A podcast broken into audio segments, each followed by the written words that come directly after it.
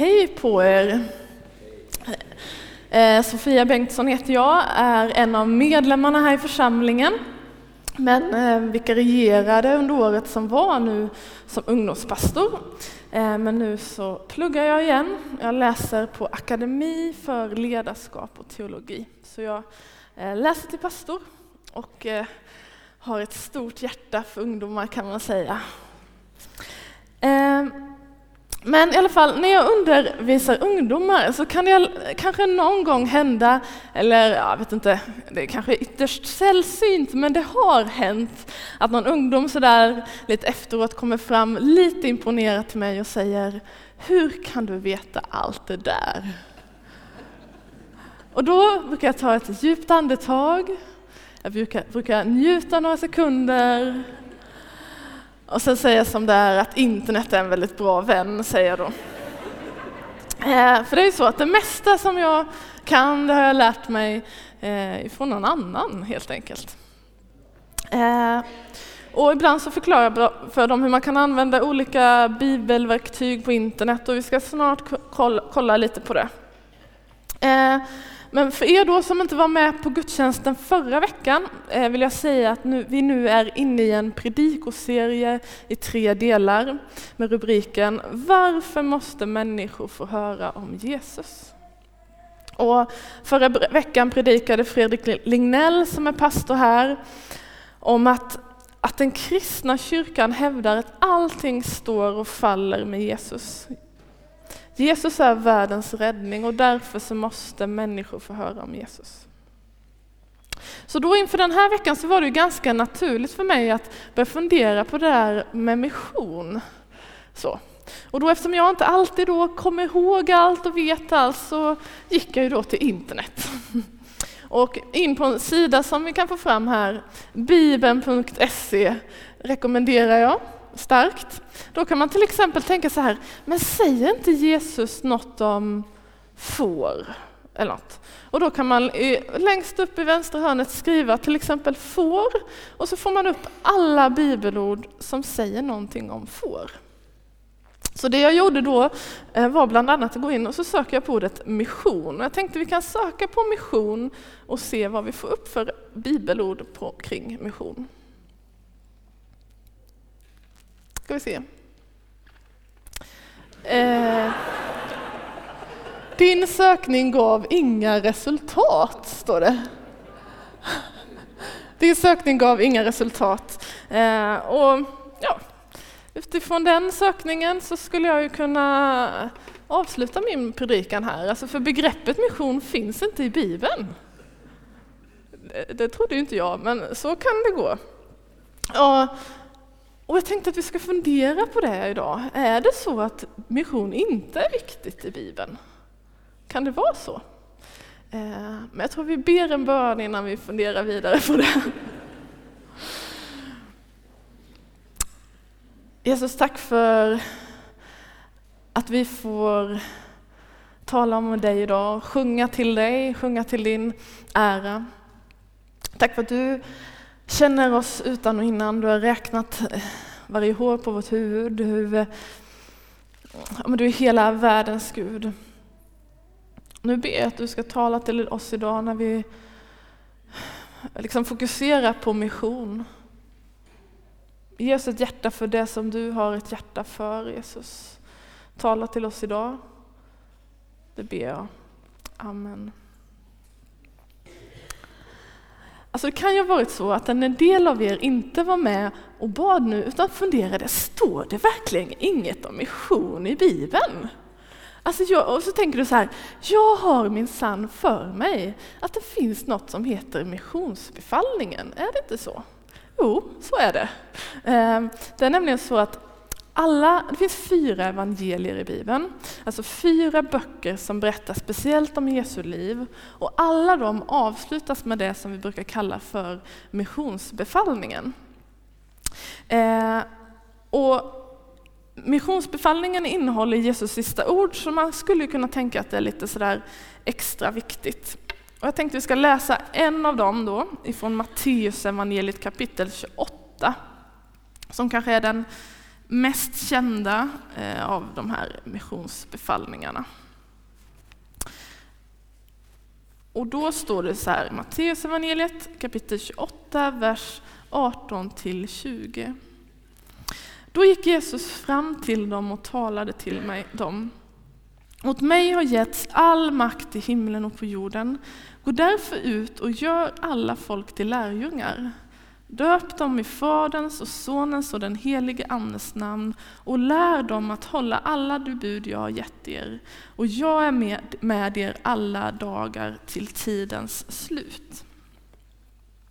Alltså Jesus avslutar sin tid på jorden här i vad ska man säga, fysisk form med att sända ut sina lärjungar. Han säger gå ut världen, berätta om mig, gör alla folk till lärjungar, döp dem, lär dem att hålla det jag sagt och jag är med er. Och Jesus han sänder ut sina lärjungar. Och det är därför det kallas för missionsbefallningen, för vi ser mission betyder nämligen sändning. Det är Mission är ett latinskt ord som betyder sändning och mission handlar just om sändning. Så begreppet mission står inte i missionsbefallningen, men det handlar om det. Det handlar om att sända ut. Eh, och det här då, Matteus 28 som vi nyss läste, det använder vi ganska ofta när vi, vi talar om vision, det är ett argument för mission. Men jag, på något sätt så tycker jag att det är lite, jag vet inte, smalt. Nej, det är nog inte rätt begrepp, men för det ger i alla fall oss ett intryck av att mission är det något som det talas om ja, men lite då och då i Bibeln.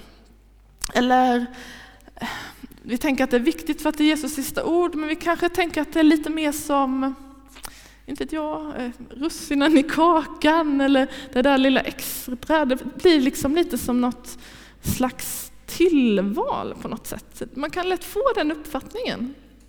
Eh, men jag tänkte idag försöka måla en lite större bild av Guds syn på mission och Bibelns syn på mission.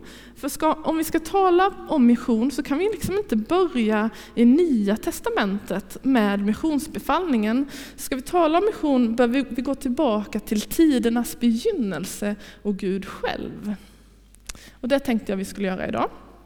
Så jag hoppas du har din bibel med dig eller på telefonen, för idag ska vi bläddra i mycket bibel. Och då börjar vi från början, sida 1. Första Mosebok kapitel 1, vers 1. Så står det I begynnelsen skapade Gud himmel och jord. Och i vers 26. Gud sade, vi ska göra människor som är vår avbild lika oss. Så Bibelns första vers säger att i början så skapade Gud himmel och jord. Det är inget som bara sker av en slump så där plötsligt, utan det finns en tanke bakom. Och så står det i vers 26, Gud sade, vi ska göra människor till vår avbild. Alltså vad då vi eller vår? Alltså, vem, vem är det? Hur blev det vi? Kan man undra. Eh, vilka är det som skapar egentligen? Jo, vi kristna tror på det vi kallar för treenigheten. På Fader, Son och Ande, eller Gud, Jesus och den helige Ande. Tre i en, men vi tror på e- en Gud. Och det är den treenige guden som skapar människan till sin avbild. Ehm, och det, det, eftersom det är tre in, i en då, så innebär det att Gud är i sitt väsen relation. Alltså Gud lever i en relation. Det innebär också att Gud i sitt väsen är kärlek, lever i fullkomlig kärlek. Eh, och Gud är i sig själv fullkomlig. Gud behöver inte oss. Men Bibeln berättar att utifrån den Gud är väljer Gud att skapa människan. Alltså Gud skapar människan för att bara få dela med sig. Gud är generös, han vill ösa sin kärlek på människan. Han vill bjuda in människan i den relationen som Gud redan är. Eh, och människan skapas lik lik Gud själv. Alltså, vi skapas för relationer, vi skapas för att älska varandra och Gud. Och Gud är också då i sitt väsen, i sig själv, sändande. För att det är Gud som sänder sig själv till människan. Eh, och kommer ni ihåg det att, att, att sändning betyder just mission, eller mission betyder sändning. Gud är mission. Gud är sändande, Gud är utgivande, det är det som Gud är. Så. Eh, mm. Och läser man då i Första Mosebok kapitel 3 sen då, kan man se hur Gud har sänt sig själv till, till människan. Han eh, vandrar tillsammans med människan i en fantastisk trädgård som han har skapat för att människan ska få njuta av, som människan ska få eh, ja, men, ta hand om och vårda och se växa och sådär. Och Gud och människa lever i harmoni, de lever i en nära, god och kärleksfull relation. Och människor lever i goda relationer med varandra. Så, så berättas det om de första människorna, som vi ofta kallar för Adam och Eva, att de på något sätt luras att bli misstänksamma mot Gud. Är Gud verkligen god? Vill Gud oss verkligen väl och de vill klara sig utan Gud trots att Gud har gett dem allt? Alltså Gud har verkligen gett dem allt. Gud är en generös Gud, Gud är en utgivande Gud. Och jag tänker att den där misstänksamheten om att är Gud verkligen god, det brottas vi mycket med idag också. Och jag tänker så här, men om du brottas med om Gud verkligen är god, om, om du är nyfiken på kristen tro, ta då vår chans, din chans att gå vår grundkurs i kristen tro. Vi har en grundkurs i kristen tro som utgår från just den frågan, är Gud verkligen god? Eh, det börjar nu 6 oktober, så är du sugen på att gå och ta den chansen? För den där frågan verkar ha funnits väldigt länge.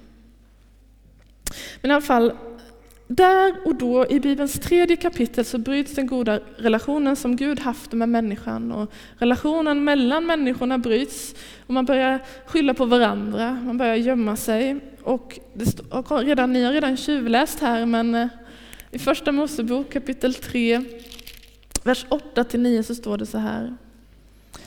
De hörde Herren Gud vandra i trädgården i den svala kvällsvinden.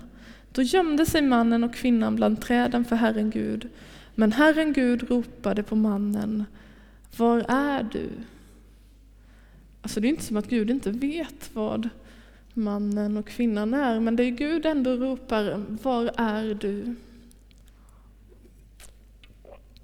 Eh, jag vet inte om ni har själva eller om ni har hört kanske någon desperat förälder som har tappat bort sitt barn i en affär.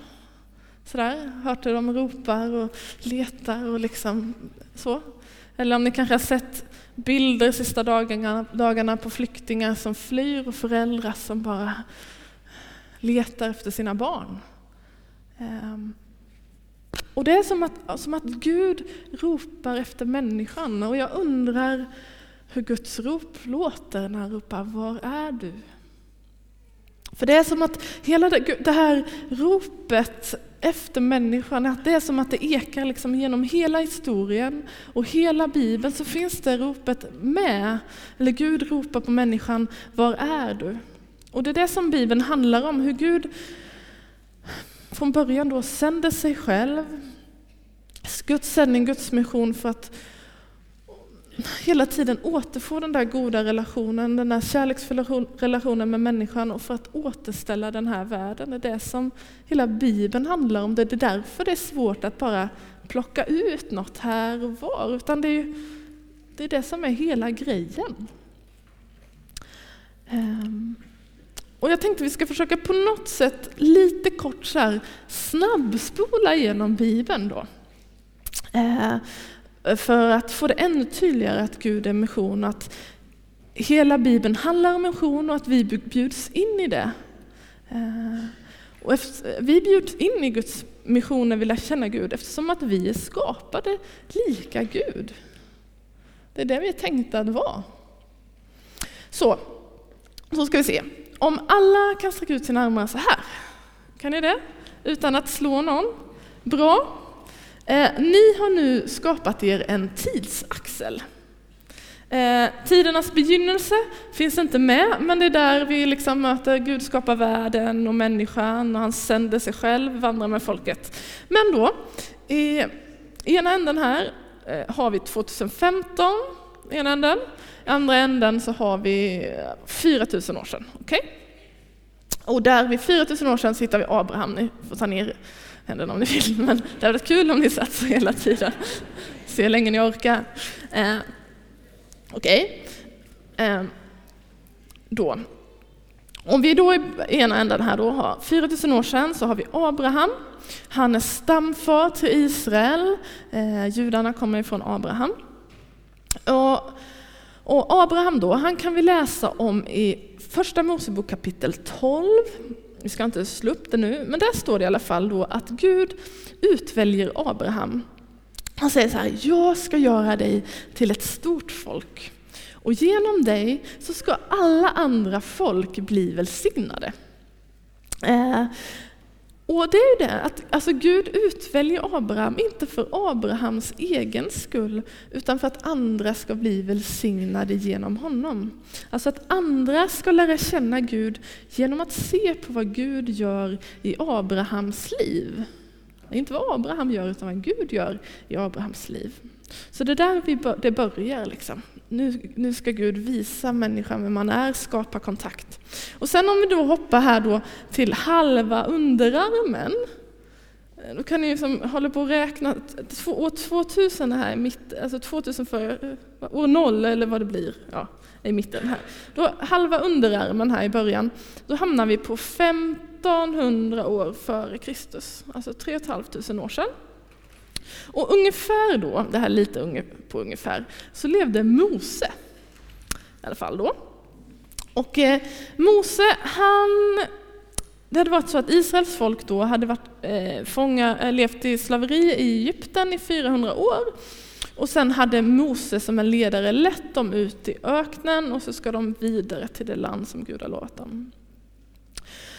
Och då säger Gud så här till Mose, vi ska läsa, det kan vi slå upp, Andra Mosebok kapitel 19, vers 5-6. Men jag tänker vi börjar, börjar läsa vers 5, så står det så här. Om ni nu lyssnar på mig och håller mitt förbund ska ni vara min dyrbara egendom framför alla andra folk, till hela jorden är min. Alltså det, det, blir väldigt fel om vi stannar där, tänker jag. För här låter det som att Gud utväljer Israels folk framför alla andra, för att de skulle vara lite bättre, för att de ska få ha det bästa och Gud för sig själva. Men det där är ju inte sant, utan vi läser både vers 5 och 6. Då står det så här. Om ni nu lyssnar till mig och håller mitt förbund ska ni vara min dyrbara egendom framför alla andra folk, till hela jorden är min. Och ni ska vara ett rike av präster och ett heligt folk som tillhör mig. Detta är vad du ska säga till Israels folk. Alltså Gud avskiljer då Israels folk här för en särskilt uppdrag. Och då får man fundera på vilket uppdrag är det? Jo, att vara präster. Det står att hela folket ska vara präster, att alla ska vara präster, inte bara en. Eh, och då måste man fundera på, ah, men vad är en prästs uppgift? Vad gör en präst? En del kanske tänker fikar. nej, nej, men eh, begravningar, vigslar, predikningar. Men det kanske inte är en prästs huvuduppgift på den här tiden. Utan prästen var den som kunde bära fram folkets offer inför Gud.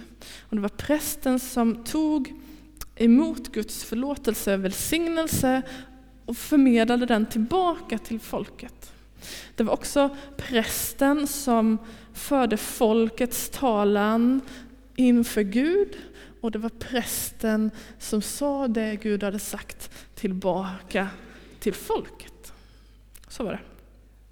Eh, så Gud rör sig ju inte då bland Israels folk på ett särskilt sätt för att just de ska bli extra välsignade, utan för att de ska vara präster, att alla de ska vara präster för de andra folket. Att de ska kunna välsigna de andra folket och berätta om Gud och säga vad Gud säger och föra förlåtelsen vidare. Och på det här sättet så ropar Gud efter människorna, vad är du? Och så småningom då, eh, nu hoppar vi lite, då kommer vi till axeln här någonstans, ja, inte jag, fem år 50 kanske, efter Kristus. Eh, så är det inte Israels folk som får den funktionen som präster, alltså berätta om Gud för folket och tala med Gud och folket, utan det får var och en som tror på Jesus. Och Petrus skriver om det här ja, kring axeln någon gång. Jag vet inte om det kan vara 50 eller något sånt där, jag kommer inte ihåg just nu. Vi läser det i alla fall i första Petrusbrevet då.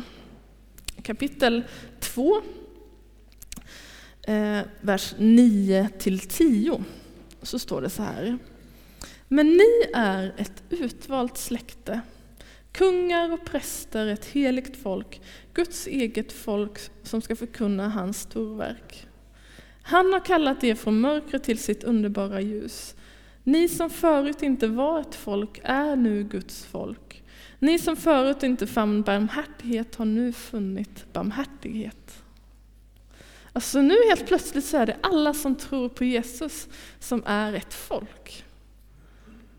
Över hela jorden så är det ett folk som har fått gå från mörker till ljus, som har mött Jesus.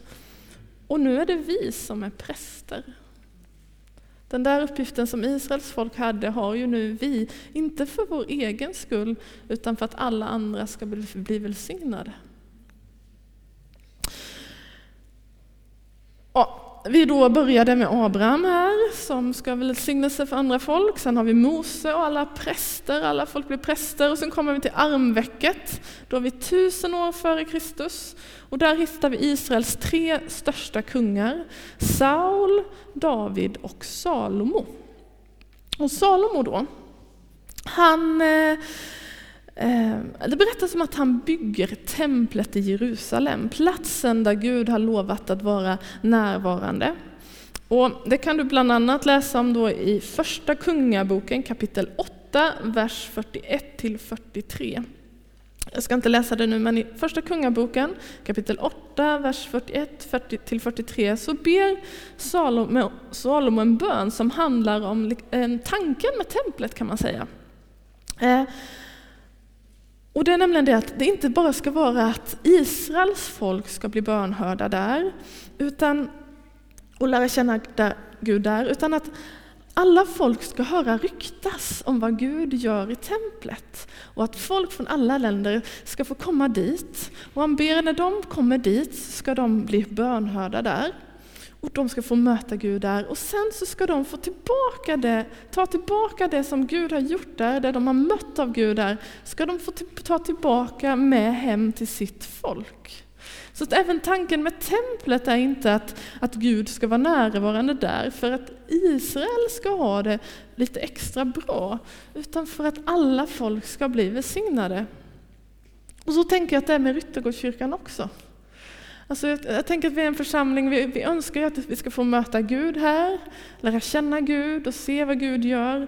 Men det är liksom inte för att vi ska ha någon slags intern grupp, någon extra utvald skara, utan det är ju för att alla folk ska bli välsignade. Det är liksom så Gud, så, så Gud jobbar, sänder hela tiden. Och Fredrik Lignell då, som är pastor här, han brukar säga att vi är den enda medlemsorganisation som inte är till för sina egna medlemmar. Vi är alltid till för dem som ännu inte är här. Det är så det är. Och det är så när vi, när vi lär känna Gud så bjud, bjuds vi in i Guds mission, i det Gud gör, i det Gud redan håller på med. Att liksom återupprätta hela skapelsen, att återfå kontakten med människan. Och Gud vill ju liksom ha en relation med dig och mig. Gud älskar oss och Gud gläds över oss, men Gud älskar hela världen. Gud älskar hela världen. Och Gud är inte nöjd med det. Gud kommer kämpa och gör det. Ehm, I vår så har jag fått ha glädjen att haft dopsamtal med många ungdomar. Alltså det är ju väldigt roligt att få möta ungdomar som ehm, vill följa Jesus. Och i mötet med ungdomar och i de där samtalen så lär jag mig alltid väldigt mycket. Jag lär ju mig saker av andra. Och, och i våras upptäckte jag en ny sak. Ehm, för när vi, när, då, när vi pratar om dopet så talar vi nämligen om Johannes evangeliet kapitel 3 och vers 16 brukar vi tala om. Och, och då, detta är ju det bibelord som, om man ska lära sig ett bibelord utan till i Bibeln, så vill jag ändå rekommendera det här. Det är det som liksom sammanfattar hela Bibeln på ett sätt då, vad det handlar om. Kallas ibland för lilla Bibeln. Och det handlar då om Jesus. Du hittar det i mitten av din tidslinje för 2000 år sedan. I mitten där din kropp och dina armar bildar ett kors. Det är där som centrum är. Och här i centrum så kan man läsa om Johannes 3 och 16. Vi se ja, om vi får upp det. I Johannes 3.16 står det så här. Ty så älskade Gud världen att han gav den sin enda son för att de som tror på honom inte ska gå under utan ha evigt liv. Och de här då, I de här dopsamtalen så frågade jag varför sände Gud sin son Jesus till världen? frågade jag. Och det alla svarade då var att men, men, ja, jag tror det var för att Gud älskade världen. Och vet ni, det hade inte jag tänkt på innan. Eller inte det att jag inte hade tänkt på det. Jag, jag, såklart jag vet att Gud älskar världen, men mitt svar har alltid varit att Gud sände sin son till världen för att rädda världen. Eh, och det är ju också sant. Men drivkraften för Gud är, det är alltid att han älskar världen. Alltså att det är alltid där det börjar. För Gud är i sitt väsen kärlek. Precis som Gud är relation och som Gud är sändande. För Gud, Gud skulle ju ha kunnat överge oss, struntat i allt. Liksom, när han såg det som blev bra och allt som blev dåligt. Gud behöver inte oss på det sättet. Men Gud ger inte upp, utan Gud älskar. Och han sänder sig själv till den här världen. Och jag tänker så här, bara Gud kan rädda den här världen och därför måste människor få höra om Jesus. Det är så jag tänker. Jag tänker att Gud är i mission i sig själv. Gud är i sig själv sändande. Och därför, när vi lär känna Gud, så är det ju tänkt att vi ska få bli det vad vi var tänkta att vara från början. Alltså, vi var tänkta från början att leva i relation med Gud, att eh, älska, att också ge vidare. Så att själv få vara med i Guds mission, att, också bli, att vi också får bli sändande, är att bli det vi var från början var tänkta att vara helt enkelt. Vi ber en bön. Jesus, tack för att du sänder dig själv till oss. Tack för att du är sändningens Gud, att du är mission i dig själv. Att hela Bibeln bara är full av hur du liksom söker kontakt, hur du formar, hur du gör, hur du liksom ropar på människan. Jag tackar dig för det. Jag tackar dig för att du är du som är världens räddare. Det är du som har all makt i himlen och på jorden, Gud. Jag ber för oss som församling att vi ska få se det. Att vi ska få se vad du gör, att hur du verkar, men också att, den där, att vi ska få bli det som vi var tänkta att vara. Att vi ska få lära känna dig, att vi ska få leva i goda relationer, att vi ska älska varandra, men också att vi ska få bli sändande, för att det är den du är. Var med oss i fortsättningen av den här gudstjänsten och i veckan framöver. Amen.